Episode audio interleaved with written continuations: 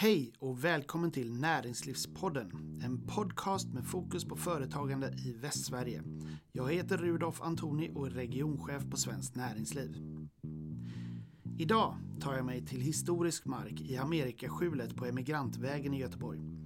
Härifrån avgick klassiska Amerikalinjens Atlantångare och från dessa kajer var det många som under 1800 och 1900-talets första hälft lämnade Sverige med hopp om ett nytt och bättre liv.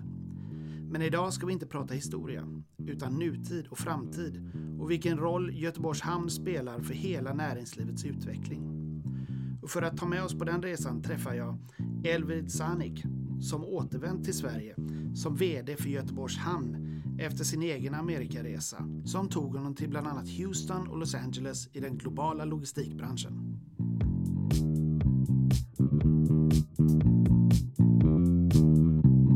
Ja, då sitter jag här i Amerikaskjulet eh, i Göteborgs hamn tillsammans med Elvid Sanik som är VD för Göteborgs hamn.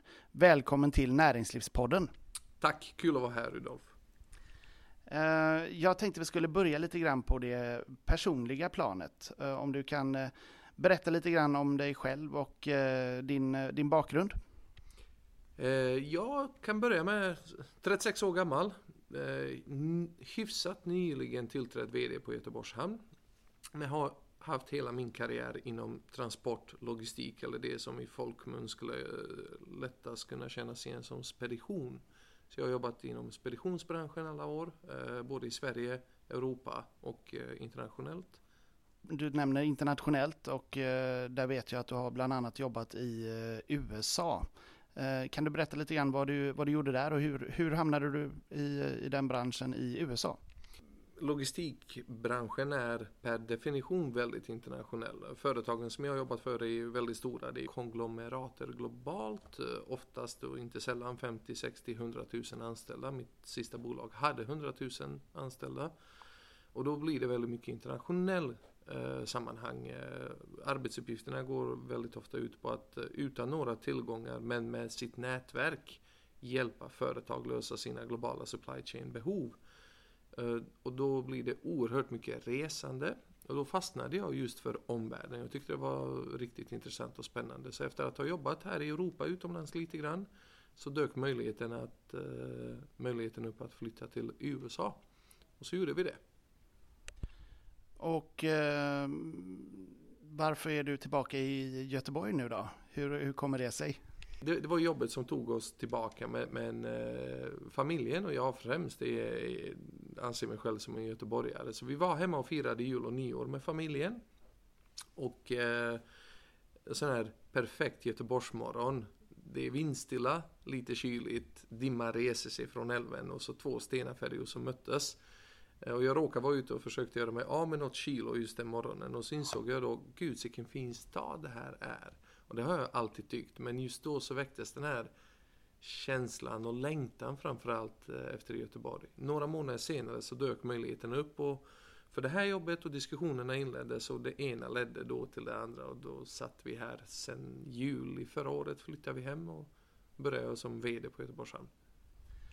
Om du eh, jämför hur det är att eh, jobba i den här branschen i eh, Sverige, i Göteborg, jämfört med eh, dina tidigare erfarenheter av till exempel USA. Hur skulle du säga att det skiljer sig åt? Det skiljer sig främst åt i magnituden, storleken. Här är det ju något mindre eh, supply chain flöde, alltså volymmässigt. Och då är ju också magnituden av problemen något mindre. Medan i USA så är ju allting såklart tio gånger större. Och då är ju problemen också tio gånger större. Så där finns det en skillnad. Rent eh, ledarskapsmässigt så finns den största skillnaden finns i ansvarstagande. I staten är det väldigt mycket kopplat till eh, paygrade eh, och nivå på chefen. Och har man en högre nivå så förväntas man ta alla beslut. Riskerna förknippat med de besluten också, alltså om du får behålla jobbet eller inte. Och det föder en kultur där många vill inte ta beslut. Och det är en stor skillnad mot här hemma i Sverige och Europa för den delen. Där alla förväntas och vill ta beslut och vill vara delaktiga och inte är rädda att göra det. Och då krävs det inte mycket detaljstyrning. Om, om vi då går till eh, Göteborgs hamn där vi befinner oss och er verksamhet här. Eh, kan du beskriva den lite grann? Hur, hur, hur eh, stort flöde finns det och, och, vad, är det, vad är det ni jobbar med egentligen? Så Göteborgs hamn eh, hanterar drygt 30-35 procent av Sveriges handelsvärde eh, går via Göteborgs hamn. Om man sätter det i referens eh, med exempelvis containerhandeln. Sverige hanterar drygt 1,6 miljoner sådana per år och via Göteborgs hamn så går det ungefär 800 000 sådana. Eh, Göteborgs hamn har otroligt goda partners och företag som vi samarbetar med operativt som utför last och loss. För att nämna några utav dem och inte glömma andra. Eh, APM, ett danskt eh, bolag som är otroligt duktiga och vi har tur att få jobba med dem och hantera, de hanterar vår operativa verksamhet, hamnens operativa verksamhet ute i containerhamnen. Ett annat exempel är Göteborg Roro Terminal som eh, hanterar Eh, transporter som kallas för RORO. Det är alltså intraeuropeiska transporter som inte är containeriserade. Eh, så det unika med Göteborgs hamn är dels att vi har alla möjliga transportslag, energi, olja, bilar, roro och containrar och kryssningsfartyg och passagerare. Och det som gör oss stolt bättre än många andra, det är att vi har så otroligt goda partners som APM och GT och Logent som hanterar biltransporterna och inte minst Stena på andra sidan här och så vidare. Och det gör oss väldigt starka och unika. Om man eh, sätter eh, Göteborgs hamn i, i en global kontext och i en nordisk kontext, Eh, hur, hur ser, bara så att man får en bild, lite grann storleksförhållandena ut? I och med att vi har så många olika affärsområden så är det väldigt svårt att jämföra en totalhamn med en annan totalhamn. För vi är väldigt unika på det sättet att vi har alla de här affärsområdena. De flesta hamnar runt om i världen tenderar, och inklusive i Sverige, att vara väldigt specialiserade på en eller två transportslag. Eh, om vi tar ett exempel, Lysekil hanterar enbart energi. Eh, Norrköping hanterar i mångt och mycket containrar. Eh, inte så mycket annat, absolut inga bilar exempelvis. Och så ser det ut i världen också. Men om man ändå försöker se på en summering. I eh, skandinaviskt, i svenskt perspektiv är vi helt klart störst på många affärsområden, inte minst container. Eh, och där, återigen, mycket tack vare APM, vår partner.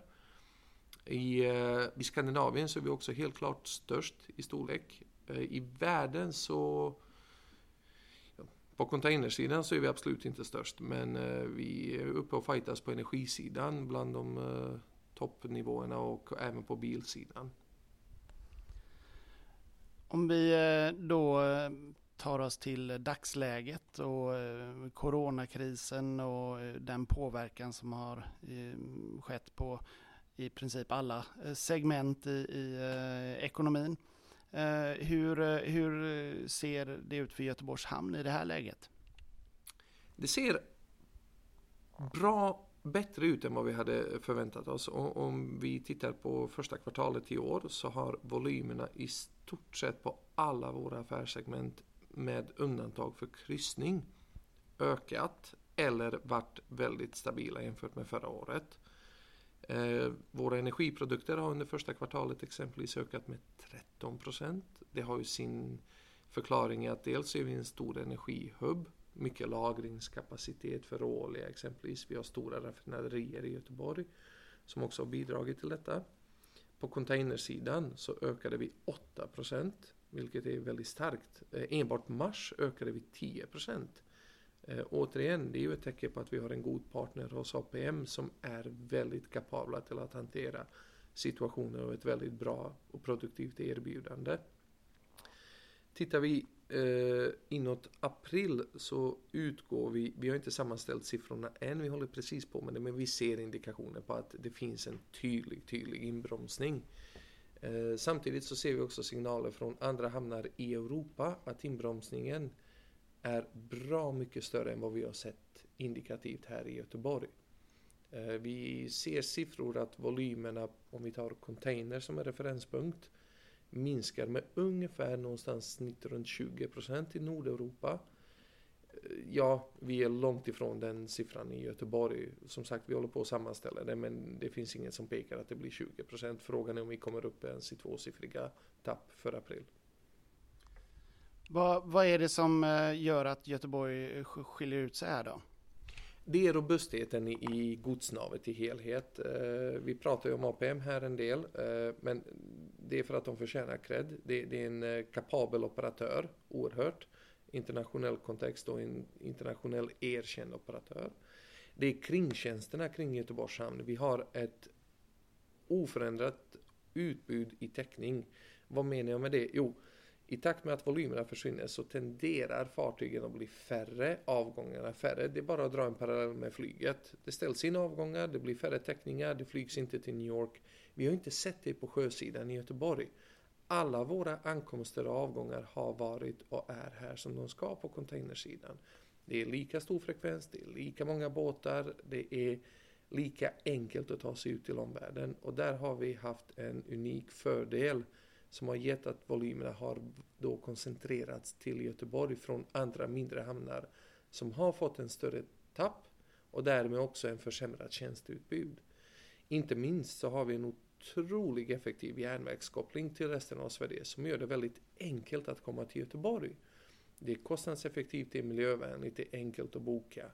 Och då är det inte så svårt att styra om sina flöden till Göteborg när man ser att tjänsteutbudet i en annan hamn minskar. Och en tredje faktor är, om vi återigen håller oss till containersidan, eh, man behöver ha container på importsidan för att sen kunna lasta ut dem för exporten. Och i takt med att Kina stängde på kinesiska nyåret och sen dröjde med sin öppning på grund av corona in i februari och mars så sinade våran import. Och har man inte importen då har du sen inga tomma container att lasta export ut i. Där har Göteborgs hamn haft en fördel för vi fick se en stor, det som kallas för tompositionering. Det vill säga våra partners valde att tompositionera container utan någon betalande last i Göteborg och då kunde svensk exporterande industri ha tillgång till de värdefulla tomma containrarna för att lasta ut på exporten. Det gjorde också att volymerna koncentrerades. Så summa summarum så ser vi att en robust hamn med stort utbud av täckning på sjösidan, effektiv järnvägsnät på landsidan och god tillgång till olika samarbetspartners gör att tjänsteutbudet blir oförändrat och då ser vi att volymerna flödade till Göteborg den här gången. Och det är, vi tacksamma för, inte enbart utifrån Göteborgs hamns hattperspektiv, utan för svensk del. För det här möjliggör Sveriges näringsliv att fortsätta vara konkurrenskraftiga och exportera och inte minst skogsexporten från Sverige har vi sett en stor ökning via Göteborgs hamn. Hur eh, upplever du att era, era partners har eh, klarat sig igenom krisen? Andra företag inom logistik och transport? Det, det är tufft, är det. Eh, främst de som sysslar med intraeuropeiska transporter har sett kraftiga nedgångar. Logistik är ju, logistik, det kallas supply chain av en anledning för det är en kedja av olika aktörer. Och det råder ingen tvekan om att många i den här kedjan lider just nu och det krävs inte mer än att en lider för att hela kedjan ska kollapsa. Eh, och det är det vi är främst oroliga över. Det räcker med att det är några åkare som har det svårt så stannar flödena till hamnen. Det räcker med att det är ett rederi som inte riktigt får det att gå runt så stannar de transporterna. Och vår oro och rädsla i det sammanhanget är inte att det kommer påverka Göteborgs hamn negativt utan det är att den supply chain som svensk näringsliv är så otroligt beroende av, för vi är en handelsnation, lätt kan hamna på efterkälke sedan eh, när det här tar fart igen. För vi är beroende av att vi har den här frekvensen av logistik som kommer och går eh, till och från Sverige. På sjösidan, på flygsidan och inåt landet. Och vår oro, min oro är, tar den kedjan sig en törn nu så tar det lång tid att återuppbygga den. Så här har vi ett ansvar både som hamn men också som svensk samhälle och näringsliv och försöka se till att hålla den här kedjan vid liv. För det här kommer få ett slut. Och då måste vi stå där med lika bra kapacitet när det har tagit slut och det, volymerna är tillbaka på vanliga nivåer. Som svar då på frågan, det är tufft för många utav dem. Mm. Eh, hur eh, upp, upp har du någon uppfattning om eh, regeringens agerande och insatser, stödåtgärder och sådär hittills? Har de träffat rätt? Just utifrån logistikperspektiv så ser vi inte riktigt att det har träffat helt eh, rätt eh, än. Jag tror att de här åtgärderna som hittills har kommit ut, permitteringar, har definitivt hjälpt. Eh, men om vi pratar logistik och koncentrerar oss på den sjö, sjöburna sektorn, alltså rederier, så tror jag att vi hade behövt se en större stöd och, och paket där. Och det ser vi att andra länder gör. Finland har ju agerat på ett sätt som har gjort det. De har lyft alla kostnader för att komma till Finland med fartyg. Eh, och då är det ju mer intressant för redarna att fortsätta sin frekvens. Trots att det är mindre betalande last på fartygen men ändå upprätthålla frekvensen så att det finns mat på hyllan, det finns medicin på apoteken. Eh, även om det är mindre kvantiteter eh, i vissa delar då. Eh, från svensk perspektiv så har vi inte riktigt sett det än utan eh, rederierna lider. Det är helt enkelt mindre betalande last på fartygen. Deras intäkter sinar men de fasta kostnaderna är lika höga och där hade det varit intressant att föra en diskussion hur vi Sverige kan hjälpa på den sidan. För att öka attraktiviteten att eh, fortsätta eh, angöra eh, i Sverige helt enkelt. Precis, för att bibehålla den här frekvensen. Om vi tar ett exempel. Vi kan idag i Sverige, utan att nämna någon hamn för den delen, för det ser likadant ut överallt. Man kan ha fem anlöp till en viss marknad i Europa. Dagliga avgångar och de behövs för att upprätthålla försörjningskedjan, produktionskapaciteten och så vidare. När varorna sinar och det är inte lika mycket transporter så blir det oerhört väldigt intressant för en redare att dra ner från fem till ja, tre anlöp i veckan. Och detta påverkar ju såklart frekvensen och det blir ju inte lika attraktivt. När sen väl volymerna drar igång så kan det bli svårt att skala tillbaks upp till fem. Eh, och där tror jag att vi som Sverige hade kunnat vara med och hjälpa till och sänka de fasta kostnaderna för redarna när det gäller anlöp för att motivera och ge incitament att upprätthålla frekvensen även nu under en förhoppningsvis kortare period då volymerna är lägre för att sen bibehålla frekvensen när volymerna drar igång igen. För det behöver svenskt näringsliv. Eh, ska Volvo kunna producera sina bilar och komma ut till omvärlden, det räcker inte med att de bara kan komma ut en gång var fjortonde dag. De behöver mata sina omvärldsmarknader när efterfrågan där dyker upp lika frekvent. För annars kommer man inte köpa en Volvo-bil. Då köper man kanske någon annan bil som finns i lager. Om vi, om vi lämnar eh, dagsläget och krisen och, och blickar lite grann framåt. Eh, hur eh, tror du framtiden ser ut för Göteborgs hamn och för eh, båtfrakt? Logistik kommer alltid behövas. Det, det, det, har behövts i 400 år, det kommer behövas lång tid framöver. Transport, handel kommer att finnas. Frågan är såklart i vilken omfattning. Och kommer vi få se ändrade beteenden? Och det jag tänker på främst, det är två saker utifrån det perspektivet. Det ena är, kommer vi få se en ökad behov av resiliens, resiliens i, i försörjningskedjorna och då tänker jag främst på lager. Hittills så har devisen varit håll lagren nere för det kostar pengar, allting ska levereras just in time. Det skulle kunna vara teoretiskt sett ett första steg för många bolag att bygga upp en robusthet i sina försäljningskedjor genom att bygga upp lager. Och då är vi ju inne i en annan situation i Sverige för då behövs det fler, mer lagerkapacitet. Det andra på lite längre sikt skulle kunna vara en kompletterande försörjningskedja. Vad menar vi med det? Jo, att produktionen delvis flyttas och kompletteras mer regionalt och närliggande. Eh, för att säkerställa om det är olika typer av bekymmer. Nu är det en pandemi, imorgon kan det vara någon form av ja, handelsrestriktion eller någonting annat. Att man har olika, uh, olika regioner, en närliggande och en fjärran. Och skulle vi hamna i det, den sitsen, ja men då står vi ju väldigt väl rustade utifrån Göteborgs hamns perspektiv att fortsätta serva svensk näringsliv för det. För vi har en väldigt robust täckning både internationellt, många linjer som täcker alla kontinenter, alla marknader. Men vi har också väldigt stort linjeutbud som täcker Europa. En eh, fråga som jag vet har eh, ni har eh, tagit upp tidigare eh, är ju eh, en fördjupning av eh, hamninloppet i Göteborgs hamn. Kan du berätta lite grann om vad, vad är problemet där?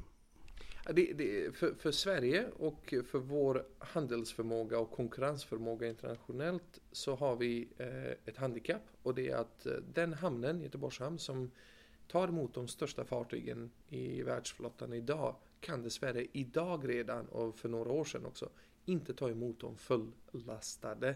Och då är vi inte så attraktiva för det som kallas för ett direktanlöp. Och ett direktanlöp är viktigt för svensk näringsliv för med ett direktanlöp till omvärlden så sänker man transportkostnaden, miljöpåverkan, men framförallt ledtiden. Det tar kortare tid att komma ut till omvärlden. Och då slipper företag binda upp kapital. Idag är vi mångt mycket beroende på mindre fartyg som hämtar och lämnar last från stora hamnar såsom exempelvis Hamburg och sen så kallas så fidrar man dem på mindre fartyg till och från Göteborgs hamn. Vi har ett direktanlöp, vi har haft fler, men i takt med att fartygen har blivit större på världshandeln så har det blivit svårare och svårare att komma till Göteborg på grund av begränsningen på djupet. Det är alltså djupet här ute som begränsar de största fartygen och komma till Göteborg direkt. Det driver ju upp då såklart både kostnad och eh, ledtid. Vi håller just nu på och Eh, fördjupar farleden. Vi är inne i en administrativ fas där vi räknar, designar, ritar och förbereder med förhoppningen att kunna påbörja själva arbetet redan inom ungefär ett och ett halvt år, två år möjligtvis och vara klara någonstans 2025. När vi har fördjupat farleden från dagsdjup på ungefär 14 meter till dryga 17-17,5 meter då kommer vi kunna ha de här största fartygen som kommer till Göteborg, plockar upp lasten som våra exporterande eller för den delen importerande företag är beroende av och kommer direkt till antingen produktionsländer i Kina eller till marknader i Kina, Asien etc. En, en viktig framtidsfråga helt enkelt för utvecklingen av hamnen. Ja, Sverige skulle jag vilja säga. För, för eh, som hamn så, så det, det finns ju ingen eh, egenvinning för en hamn att göra. En hamnsroll är att tjäna näringslivet. Det vi gör ska kunna ge en ökad konkurrenskraft till de svenska företagen. Eh, vi har ingen egen, vår aktiekurs kommer inte gå upp på grund av en djupare farled för det finns ingen aktiekurs. Men gör vi detta så kommer det bli effektivare för svenskt näringsliv att komma ut till omvärlden där deras marknad är både billigare och snabbare. Finns det någon risk att det inte blir av? Nej. Det gör det inte? Nej finansiering och sånt är? Vi är inte helt klara med finansiering men vi är på otroligt god väg med finansieringen. Eh, vi har hamnat på ett kostnadsläge som eh, ger oss absolut trygghet att finansieringen kommer att gå ihop. Eh, staten är oerhört mån om att det här ska hända. Det är därför vi finns med i något som kallas för nationell plan. Så staten har dedikerat 1,2 miljarder för det här projektet till Göteborgs hamn. Våra ägare är väldigt måna om att det här ska hända. Man är mån om framförallt exportregionen i Göteborg och eh, Västsverige i helhet med Sverige i stort. Så det finns eh, ingenting annat än goda intentioner att det här ska ske och tekniskt och finansieringsmässigt så är vi otroligt nära. Eh, inga signaler på att det kommer gå sidledes. Jag tänkte jag skulle avsluta den här intervjun med att ställa fem snabba frågor till dig. Eh, och en del av dem är lätta att svara på, andra är kanske lite mer pest eller kolera. Okay. Du, får, du får svara så gott det går. Ja.